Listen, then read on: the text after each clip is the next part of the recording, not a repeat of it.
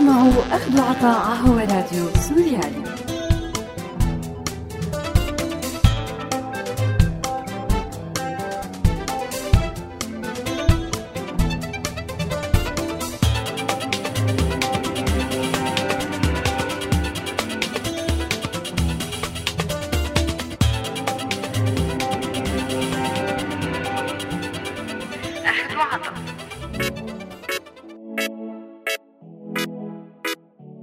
أعزائي المستمعين أهلا وسهلا فيكم. برحب فيكم أنا مايا بحلقة جديدة من برنامج أخذ وعطا وبذكركم أنه هذا البرنامج بالتعاون مع مبادرة كلنا مواطنون.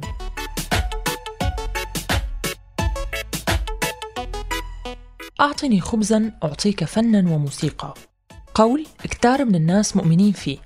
يولد الفن من رحم المعاناة. كمان قول بلاقي قناعة عند كتار من الأفراد لقراب والإبعاد عن العمل الإبداعي. لا شك أنه في كتير عوامل وجودها بيساعد بشكل كبير على تحفيز الإبداع وعدم وجودها ممكن يأخر كتير العملية الإبداعية بالاختصاصات المختلفة. العملية الإبداعية بنظر بعض الناس ما لازم تكون عملية صعبة يضطر الإنسان فيها يخوض معركة متعبة لحتى يوصل لنتيجة ممكن يوصل لإلها والأحسن منها ببساطة لو كان بمكان تاني بتتوفر فيه عوامل ما موجودة بالمكان اللي هو فيه. بنفس الوقت آخرين بيشوفوا أنه الإبداع ممكن الصعوبات تحفزه أكثر من ما منتخيل. والمعركة مع الجديد والمختلف هي جزء من العملية الإبداعية لا مفر منها. رأي قد يكون واقعي ببعض الأحيان وقد يحوي مغالاة بأحيان وظروف تانية.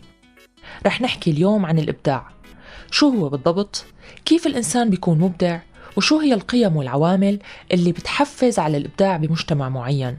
واللي بتأخره وبتوقف بوشه بمجتمع آخر هل سوريا بلد بيشجع على الإبداع؟ وهل الحرب والظروف المعيشية الصعبة بتحفز على الإبداع أو بتشده لورا؟ خليكن معنا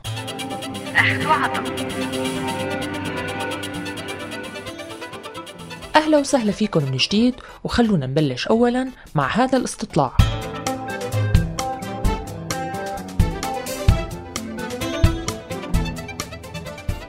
شو بيعني الإبداع؟ شو تعريفك الخاص للإبداع؟ الإبداع هو حالة أو طاقة بالشخص بتخليه يظهر عمله بطريقة نادرة أو غير موجودة عند الناس هلا الإبداع برأيي إنه نشوف اللي ما بشوفه الآخرين نشوفه آه، نشوف المألوف بطريقة جديدة نحل المشاكل بأساليب جديدة يعني فينا نقول خلق النجاح من العدم تقريبا آه، نوصل فيه لدرجات من التميز في مجتمعات بتقتل الإبداع كيف؟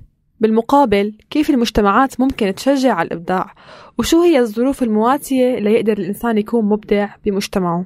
في كتير مجتمعات بتقتل الإبداع وبتصور محصورة بس بالعالم العربي لأنه مجتمع متمسك بعادات وتقاليد تقتل حالات الإبداع. والسرقات اللي بتصير لهالحالات الإبداعية والمستوى المادي والدعم النفسي المعدوم هن من الأسباب اللي بيقتلوا هالإبداع كمان.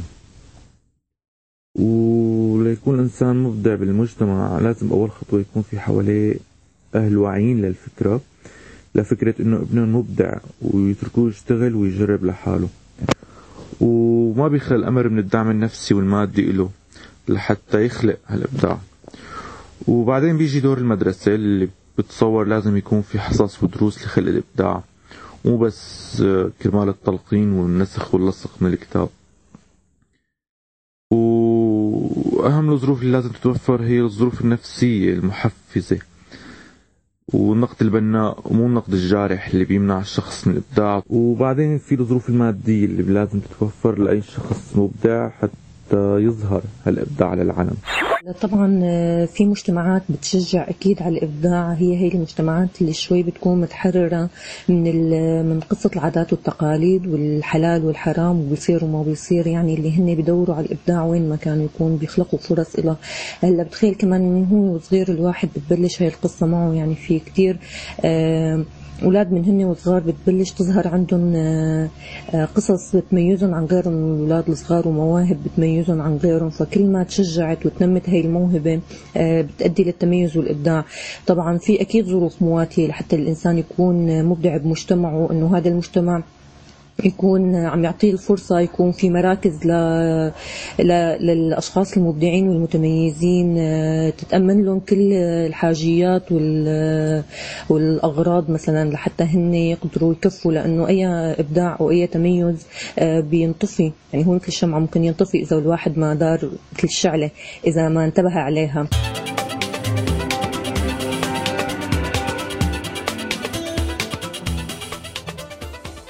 الإبداع هو فعل البحث عن أفكار جديدة وغير مسبوقة وتحويلها لواقع وهي بتمثل القدرة على النظر لمحيطنا بطرق مختلفة. والبحث عن علاقات بين أشياء وظواهر وأفكار بتبين إنه ما في أي رابط بينها لحتى ندور على حلول أو لحتى نصبر ونستكشف ونحس بحالة جديدة ما كنا مفكرين فيها من قبل.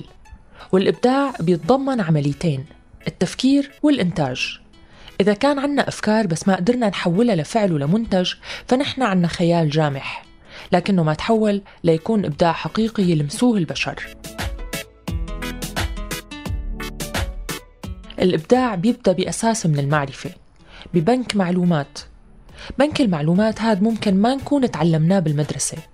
ممكن نكون أخذناه عن طريق ملاحظة الأشياء الاستماع أو مشاهدة أو قراءة تجارب مبدعين آخرين وتحليلها. الربط بينها وإيجاد زوايا وروابط جديدة. عملية بدها كتير من الانتظام والتفرغ النفسي قبل كل شيء والانغماس الكامل بالعملية. التجربة والاستكشاف والتساؤل ووضع الفرضيات ونقدها وكتير من الصبر.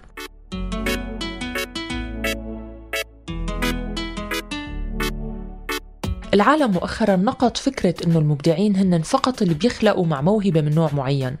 مثل شيكسبير وموتزارت وليوناردو دافنشي كل الناس بالمطلق بحسب دراسة أمريكية أكاديمية مؤخرا بيتمتعوا بموهبة أو مقدرة من نوع معين. بالتالي مو هذا اللي بيخلي الناس مبدعين أو لا. وإنما العوامل الثانية اللي بتخلي الجو مناسب ليمارسوا هي الموهبة ويوصلوا لإبداع بمجال معين. هي العوامل ممكن تتلخص حسب هي الدراسة بتوافر الفرص وتكافؤها التشجيع التحفيز المادي والمعنوي والتدريب المستمر. المجتمع. أي مجتمع؟ قد يلعب دورين متناقضين تماما بالنسبة للمبدعين بالمجالات المختلفة. بعض المجتمعات فيها عداء ملموس للمبدعين وهذا الشيء بيرجع لكتير عوامل. المجتمعات التقليدية سواء كانت تقليديتها نابعة من الدين أو الأعراف الاجتماعية بتخاف من التجديد لأنه بيهز منظومة التفكير الرتيبة بالكامل. هاي مجتمعات بتفضل الجزء الأيسر بالدماغ العملي والرياضي على الجزء الأيمن الإبداعي والجريء اللي ممكن أنه يتخطى الحدود اللي رسمها المجتمع للفكر الفردي. كتير ما بتتماشى المجتمعات التقليدية مع نظام الحكم الشمولي ولو أنه مو دائما. والشمولية السياسية كمان بتحط كتير من الحدود على الفكر الفردي وممكن أنها تشجع على الإبداع بمجال معين لكن ضمن كتير من القوالب والشروط. كأنك تألف موسيقى للحزب الحاكم أو تعمل تمثال للقائد أو تكتب قصيدة بتناصر السياسة العامة بالبلد اللي أنت فيه. ما فيك تطلع عن هي القواعد وإذا طلعت فتوقع أنه ما يكون في دعم مادي أو احتفاء معنوي حتى لو كان الشيء اللي عملته مهم. لأنه مو لخدمة الحكم. وإذا تحديت هي القواعد بصراحة أكثر فممكن تتعرض للخطر. لذلك بيربطوا الفلاسفة والمفكرين الإبداع أولا وقبل كل شيء بحرية الفكر. هي القيمة اللي إذا كانت موجودة بأي مجتمع فهي عامل كتير مهم بتحفيز الإبداع عند أفراده. حتى أكثر من الميزانيات الكبيرة المخصصة للمجالات الإبداعية المختلفة. بدون ما يكون الإنسان متعود على الحرية الفكرية وما بيخاف من التفكير بطريقة مختلفة عن الطريقة السائدة بدون ما يجلده المجتمع وبدون ما يحاكمه تتحول عملية الإبداع لعملية صعبة وخيار خطير على الإنسان وعلى اللي بيحبهم فاصل ومنرجع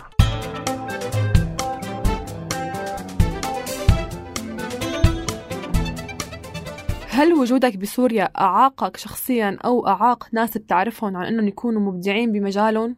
هل السفر ساعدهم على الإبداع؟ شخصيا وجودي بسوريا منعني من أظهر عملي و تصور لعدم توفر لا قروض مشاريع صغيرة وإن توفرت تتوفر بشروط تعجيزية وغير الوسائط والمحسوبيات. وما في بيئة بيئة مسالمة بعيدة عن الحرب وعن الهاون والصواريخ. وكمان ما في بنى تحتية لحتى الشخص يشتغل مثل الكهرباء مثلا. وكثير في أشخاص سافرت وقت الحرب وطاقاتها تفجرت بأوروبا وبالعالم برا؟ وبتصور ما كانت رح تكون موجودة لو بقيوا هون بالحرب. في أشخاص صاروا ممثلين مخرجين هلا وجودي بسوريا أعاقني أو أعاق ناس بعرفهم هلا أكيد إنه في كتير أشخاص هن مبدعين وهن في عندهم تميز كتير كبير وهن قادرين إنهم يعطوا ويكونوا متميزين.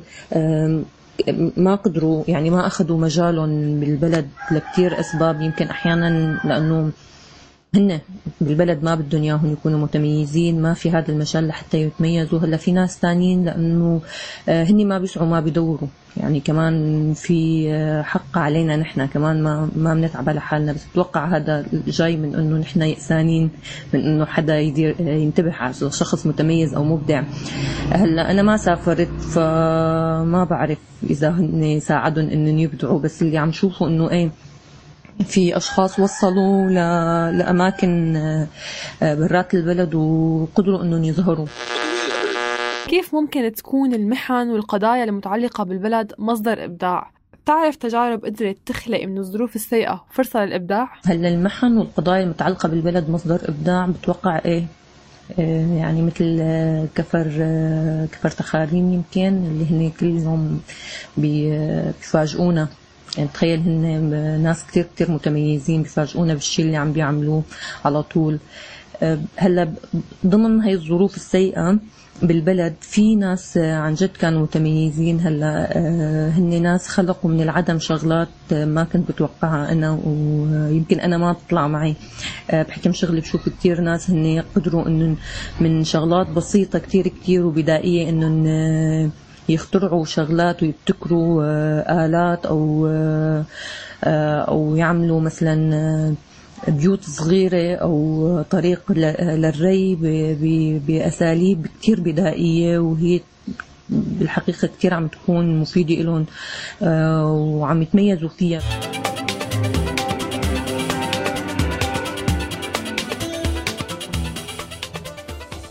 هل كان من الممكن يكون موتزارت الموسيقي العبقري والمتفرد والمبدع لو ما علمه أبوه الموسيقى؟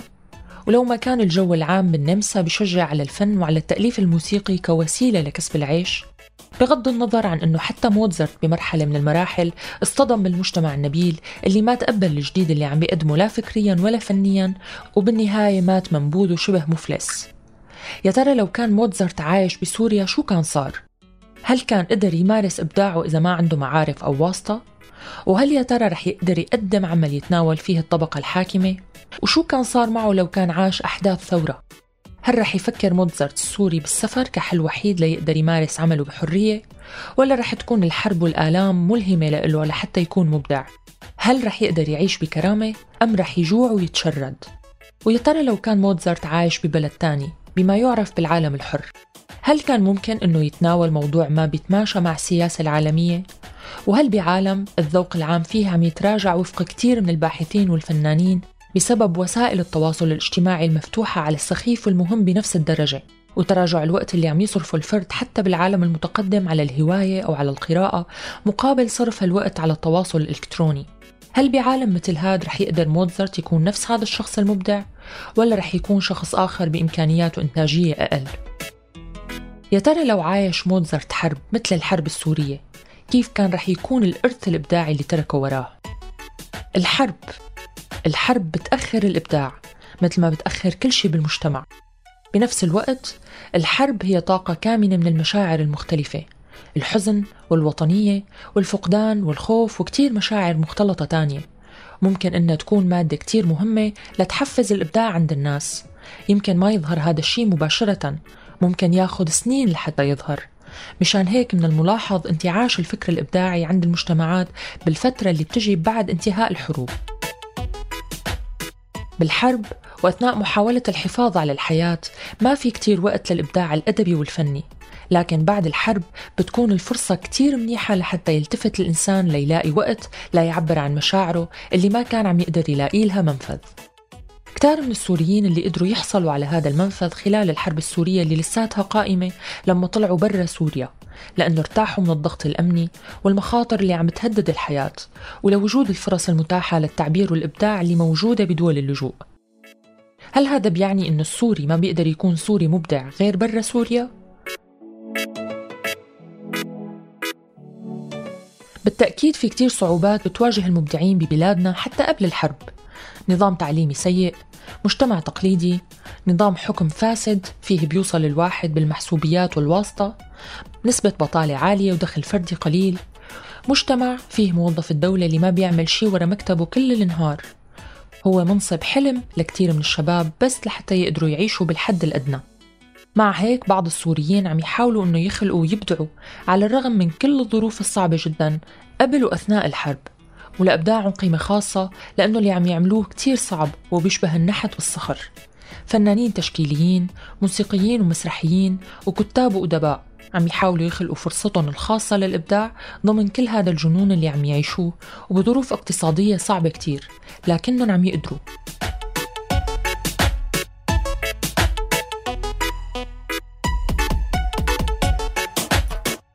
العالم عم يتغير. والبلد عم يتغير والمجتمع السوري عم يتغير. وهي الهزة العميقة اللي تعرض لها وعم يتعرض لها البلد بطريقة لتغيير لسه ما بنعرف شو هو. هو كفيل بأنه يحرك الإبداع الكامن عند الإنسان. الشيء اللي مطلوب من أي قيادة جديدة للبلاد إنها تخلق المجال من فرص وقوانين وتحفيزات لحتى هي الإبداعات تشق طريقة لتتحول لمنتج. وهيك بيكسب المجتمع حيوية وتجدد ومقدرة جمعية على الخلق. وهذا الشيء اللي بيساهم إنه المبدعين يضلوا بهذا المجتمع ويشتغلوا مشانه بكل حرية.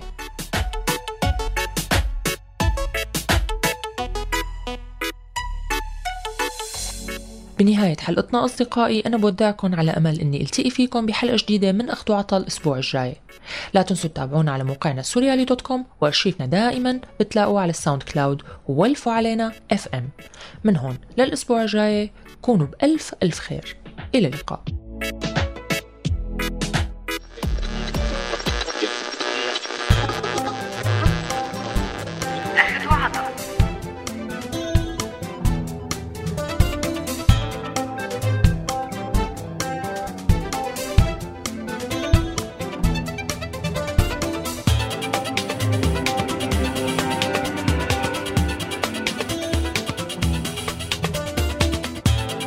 هذا البرنامج من إنتاج راديو سوريالي 2016